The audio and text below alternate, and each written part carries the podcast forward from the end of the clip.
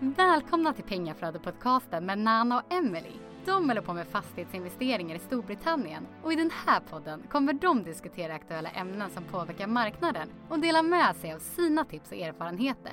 De kommer även intervjua personer i branschen som de finner inspirerande. Hej! Hej gumman! Hur mår du älskling? Jag mår bra, du ser rätt stor ut du. Vad ska du säga sen då när jag har tryckt ut den här ungen? Ja, då är du tillbaks. Har du börjat fundera på en push present? Nej, faktiskt inte. Mhm. Denna gången blir det ingen fastighetsutbildning. Nej, det blir det faktiskt inte. Det får vi... behöver vi inte ta just nu. Nej. Nej, vi har, vi har gjort det ett par gånger. Eh, nej, du får nog komma på någonting annat. Mm. Va? Är det krävande? Tvek. Lite kyckling hade jag kunnat, kunnat eh, tänka mig som push-out present. Finger licking good. KFC. Lite så. Eh, nej men eh, åka till eh, UK hade ju varit kul. Ja, det hade det. Om vi hade kunnat göra det. Om vi hade kunnat göra det. Mm. Så snart som möjligt. Mm. Mm. Vad ska vi prata om idag då? Idag tänkte vi prata om eh, vad vi hade gjort annorlunda om vi hade börjat idag. Jepp! Mm. Så ska jag börja? Ja, Eller vi tycker jag. nästan samma här. Nej men eh, om vi hade börjat idag så med det kapitalet vi hade då när vi började. mm.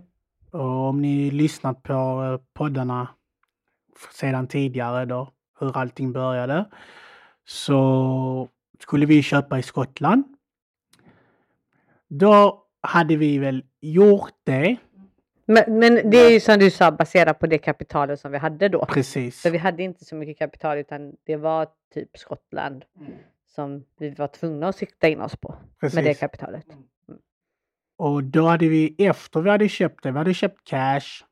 Och så istället för att eh, lägga, vet du nu, eh, ett vanligt eh, mortgage via de här 7 mm, så hade vi gjort en bridge på huset istället. Och köpt fler fastigheter. Så, och då hade vi samtidigt fått en track record som landlord. Och då hade ju långivaren sett att vi hade redan varit landlord och med det hade vi ens kunnat göra större projekt direkt för att då har vi experience, alltså efter två, tre år.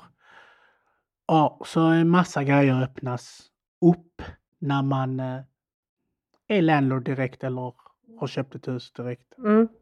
Ja exakt. Mm, du, om du har ett mortgage så kan det ge väldigt stora fördelar när du vill ha ett nytt mortgage sen. Precis. Det är väl lite så du menade? Ja, Va? tack. Och eh, det inkluderar även bridge eftersom du eh, betalar av på det lånet också. Liksom. Mm, brigglån. Lån.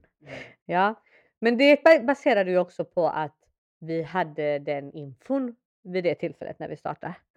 Det här med att just bridga mot en fastighet och gå vidare och hur man kan använda eh, liksom, eh, en fastighet för att få loss pengar för att göra refurben på nästa fastighet och sådär. Mm. Eh, och lite andra små tricks mm, som vi faktiskt har fått av vänner under de månader som har gått nu sedan vi startade. Ja, Så vi har ju fått väldigt mycket info och tips och tricks och liksom så här under de senaste två åren också som vi kanske inte hade när vi började. nej. Men annars så håller jag nog med dig. Det hade varit eh, nog så som vi hade börjat då bara för liksom okej, nu har vi den och så går vi vidare därifrån. Mm. Annars så tänker ju jag rent spontant om man nu ska utgå från den dealen vi faktiskt, våra första deal som vi faktiskt gjorde då, vilket var flippen som ni kan hitta i podden eh, också ett avsnitt om. Om man ska utgå från den dealen, då hade jag väl i sådana fall köpt den med bridge, brygglån då, istället för att köpa den cash. Ja. För att i efterhand så vi blev ju tvungna att ha- fastigheten i sex månader. Mm. Och vi hade lagt in hela vårt kapital i den. Mm. Så det, det blev ju lite så här, okej nu får vi skaffa, leta nytt kapital eller liksom hitta en annan väg, synvinkel, försöka få liksom in eh, om vi ska få in en hyresgäst eller vad vi nu ska göra liksom beroende på vad som händer. Sen fick vi ju sålt den exakt när det gick sex månader. Men hade vi köpt den med brygglån så hade vi ju inte låst alla pengar i den dealen utan kunnat göra annat under de sex månaderna. Så det hade ju i sådana fall, om man nu ska utgå från vilken deal vi faktiskt gjorde först, så säger jag att bridgelån på den dealen hade varit ultimata. Att köpa den med bridge och sen sälja den sex månader senare och så under tiden göra andra saker. Eller eftersom den dealen faktiskt var väldigt bra och det hade funkat som en buy to let också så hade vi kanske kunnat eh, lägga ett vanligt mortgage på den och ha den som eh, att bridgea emot eh, först och främst till exempel. Man kunde gjort annat med den än att flippa den, det är lite så jag menar. Ja, Men eh, vi var inne på en flipp först och främst och vi genomförde den och vi gick med vinst och det är det viktigaste. Man ska inte vara, man ska inte vara eh, kanske rädd för att ändra sina planer mitt i. Nej. För rent spontant så känner jag att vi kanske borde ha hållit kvar den och, och eh, hyrt ut den istället för att sälja den. ja. Och jag känner bara att ja, självklart med facit i hand så borde vi ha behållit den. Men då kände vi ju att vi ville ju bevisa för potentiella investerare och människor som eh, hade sagt till oss, ja men ska ni verkligen göra en flipp nu, det är Brexit och, och så vidare, det ni gör det är väldigt riskabelt. Då ville vi ju genomföra våran första exit-strategi. Vi hade ju tre stycken. Vi hade ju den här tenant buyer, alltså en hyresgäst som köper en fastighet på sikt, eller din fastighet på sikt har en avbetalningsplan. Vi hade ju det och så hade vi bara hyra ut normalt och så, så sälja. Så vi hade ju flera, men den primära Ja, det vi gick in i dealen för att göra var att flippa den och vi kände att det var det vi, vi ville visa att våran första exit faktiskt funkade. Eh, så kan man väl säga. Men sen samtidigt med som du säger med facit i hand så det kanske hade varit smartare att behålla den. Men vi utförde ändå våran första exit. Så man kan ju inte säga för mycket. Men ja, där hade vi, vi, vi hade kanske gjort lite annorlunda där. Så. Vad hade du gjort innan då? Eller mer? Ja, Vi hade börjat med podden tidigare då när eh, Joel och Tej sa till oss, speciellt Joel som pushade oss eh, efter eh, No Money Down. Han pushade oss verkligen att ni två borde göra en podd. Ni har så bra dynamik och ni är intressanta människor. Och tydligen så hoppas jag väl att ni tycker att vi, vi gör något bra annars hade ni antagligen väl inte lyssnat. Nej men eh, ja, så det hade jag. Ja, och sen så är det väldigt kul också med podden eh, och eh, man håller sig liksom lite on your toes. Eh, för att uttrycka det på engelska.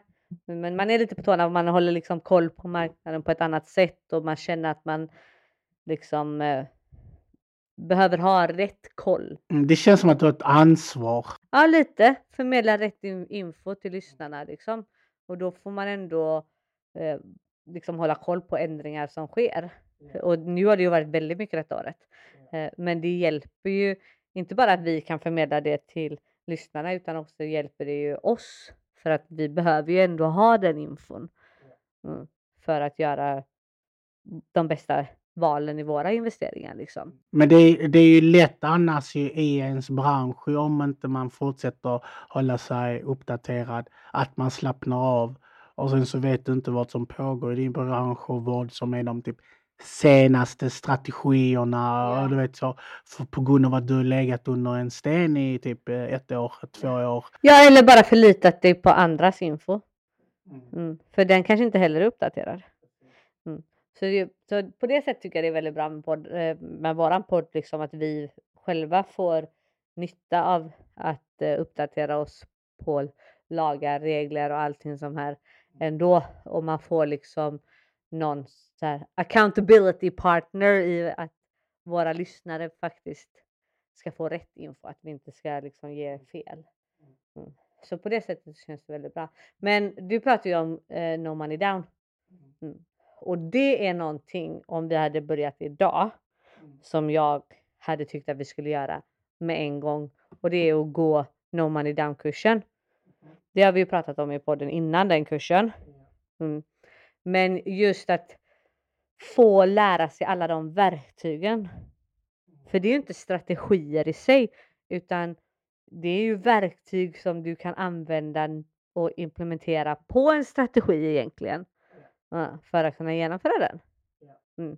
Och eh, det breddar ens blick för hur en deal kan sättas ihop väldigt mycket. Men det exempel som den här uh, som vi pratade om innan vi kom in här i podden. Dealen i Swansea uh, där vi har pratat med någon man. Hans pappa gick bort för tre år sedan. Och han la upp sin fastighet ju för ett år sedan. Och den är ju väldigt... Han har lagt den för väldigt mycket mer än vad...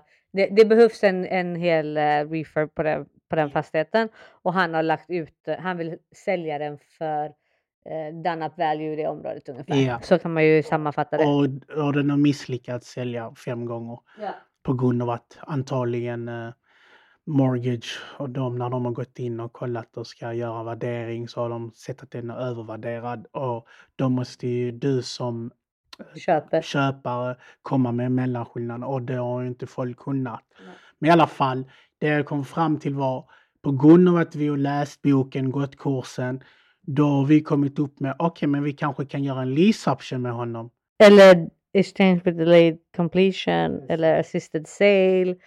Eller, det finns ju så många olika grejer.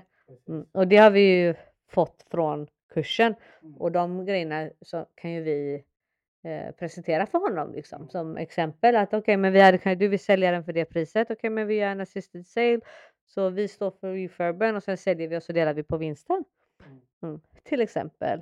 Eller en lease option. Eller en lease option om han nu verkligen inte vill gå ner i pris, vilket han verk, inte verkar vilja och sådär. Men då kan vi säga, eh, lease option är ju typ att man, man betalade efter Vi köper den senare. kan man senare. Ja.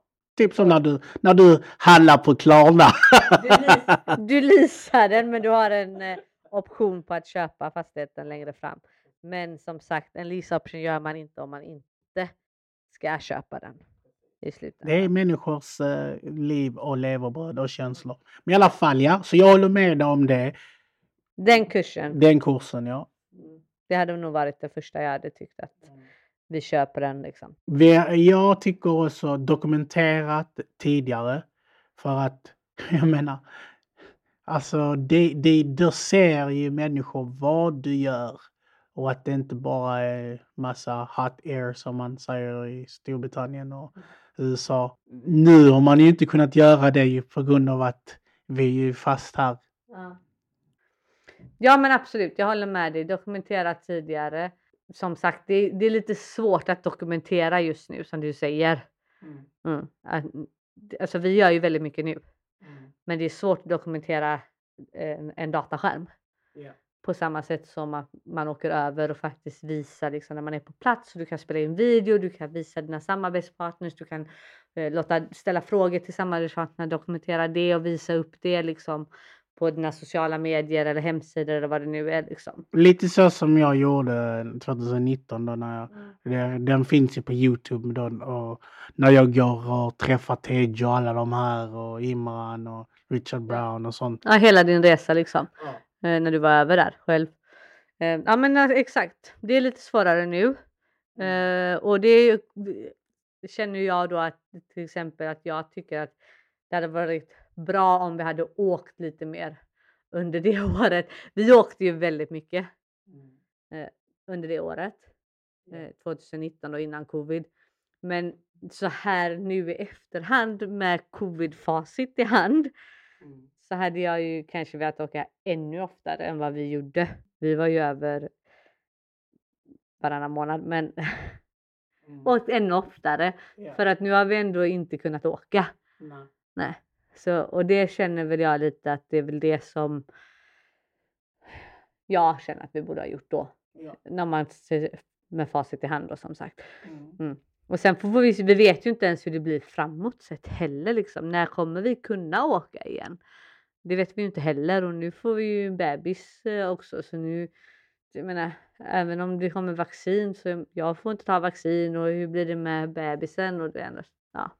Så det känns lite så här, vi borde ha åkt ännu mer då. Däremot så kommer ju du kunna åka. Så du får åka istället då.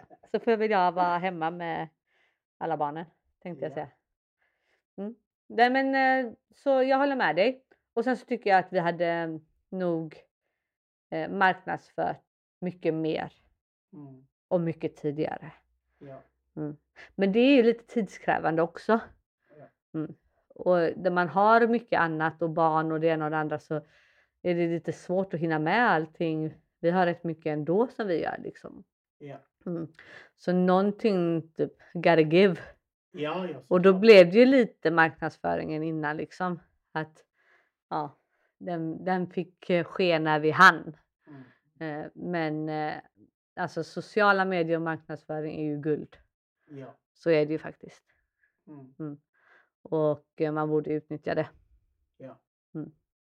Så Watch det the tycker jag. space. Watch the space säger jag bara. Ja, exakt. Nej, men jag, jag, det, jag håller med dig. Mm. Så om vi knyter ihop säcken då? Om vi knyter ihop det här hela det här eh, säcken så jag, jag säger ju bara sammanfattningsvis och eh, tur är väl det så har vi inte förlorat några pengar. Sen start än så länge. Nej. Utan allt har ju varit vinst än så länge. Mm. Mm. Och det får man ju faktiskt vara glad för. Mm. Speciellt i dessa tider. Ja. Så det, så liksom tycker väl jag i sådana fall att vi ska knyta ihop hela säcken att ja, vi hade gjort saker annorlunda, Mm. men samtidigt så har vi gått med vinst. Mm. Och gått oskadda. Ja, exakt. Ja, jag, jag håller med. Det finns faktiskt inte så mycket. Alltså såklart man kan alltid bli bättre och sånt. Men som du säger, det man har fått höra från andra, så, så massa sådana här horror stories, Mm. då har vi ändå gjort det bra. Vi har i alla fall eh, skippat dem. Vi har kunnat undvika dem. Så det är bra. Men om du skulle ge ett enda tips för folk som startar nu, vad hade du gett för tips då? Det är det du nämnde. Lära sig den no money down. Det, det tycker jag. För om du kan det och du kan allt det övriga så då har du så mycket verktyg och du, du kan lösa problem. Du ser, du ser det, det finns nästan inga hinder längre. Mm. Så det är mitt enda tips om det om jag får bara välja en. Och då kan jag ta en annan då eftersom du tog den. Eh, och då skulle jag väl säga att eh, var inte rädd för att använda bridgelån. Mm. Så de två tipsen är väl det som vi i sådana fall ger då. Leverage, leverage, leverage. Exakt. Så liksom djupdyk i bridgelån och vad det kan göra och eh, absolut riskerna också. Eh, Så att man känner till dem och kan eh, liksom försöka undvika dem på bästa sätt. Men var inte rädd för det. Mm. Och eh, lär er verktygen från alltid minimera nedsidan. Så tar du bridge, ta ett längre lån än vad du tänkt. För du får ändå tillbaks pengarna om, om eh, ditt projekt eh, är klart tidigare. Så bara tänk på det. Var inte för överambitiös. Det är det människor gör ju oftast ju. ta för kort tid. Mm. Nej, men så det tycker jag sammanfattar rätt bra. Så det var ju allt vad vi hade för denna veckan. Ja, hoppas det har gett eh, lite liksom så här eh, en glödlampa kanske för de som kommer nu. Ja, precis. Så Jag hade så här emoji-grejer i huvudet när jag sa det. Det var lite komiskt. Mm. nästa vecka får ni väl lyssna på nästa gäst. Hasta luego! hej hej! Don't be stressed. Invest people.